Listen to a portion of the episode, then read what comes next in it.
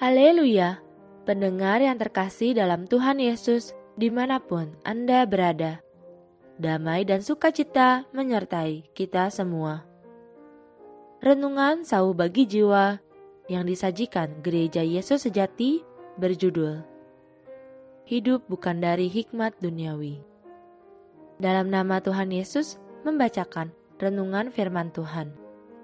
Kitab 2 Korintus pasal 1 ayat 12. Inilah yang kami megahkan, bahwa hidup kami di dunia ini dikuasai oleh ketulusan dan kemurnian dari Allah. Bukan oleh hikmat duniawi, tetapi oleh kekuatan kasih karunia Allah.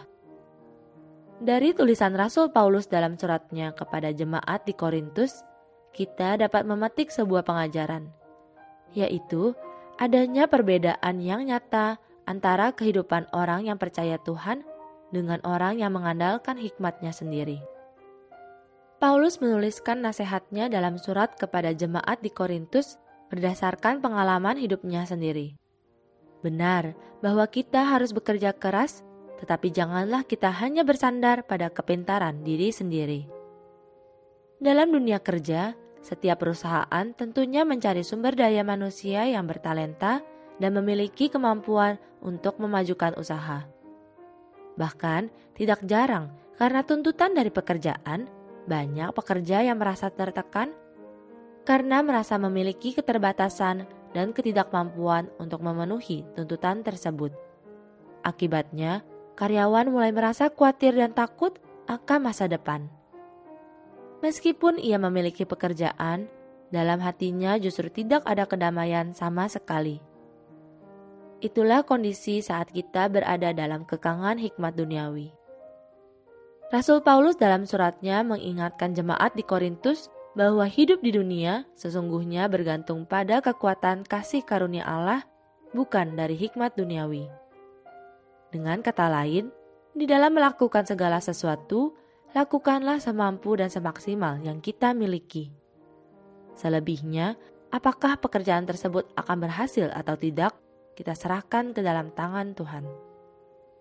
Ketika kita bekerja dalam sebuah perusahaan, tentunya pimpinan perusahaan yang mengatur dan mengendalikan jenis pekerjaan yang harus kita lakukan. Namun, di luar perusahaan, masih banyak lagi hal-hal yang tidak dapat dikendalikan oleh pemimpin perusahaan, seperti halnya kesehatan, kejiwaan, hubungan sosial, sampai pada keselamatan diri kita dan anggota keluarga. Kesemua hal tersebut, termasuk nyawa dan hidup kita, seluruhnya berada di tangan Sang Empunya Hidup, yaitu Bapa di surga. Dialah yang seharusnya menjadi sandaran hidup kita, bukan kecerdasan ataupun hikmat duniawi.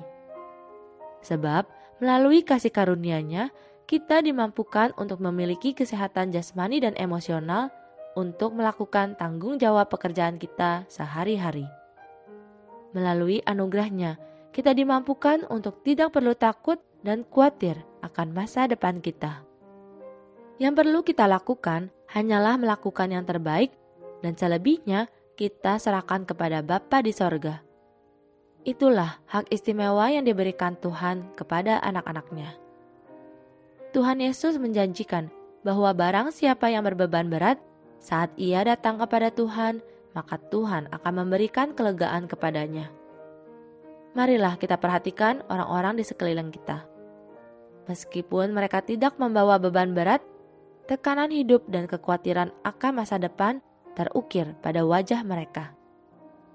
Apakah aku masih tetap memiliki pekerjaan di masa yang akan datang? Bagaimana aku dapat membiayai kehidupan keluargaku?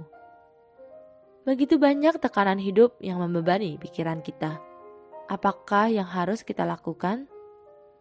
Sebagai anak-anaknya, kita memiliki hak istimewa untuk datang kepada Tuhan dan menerima kelegaan darinya.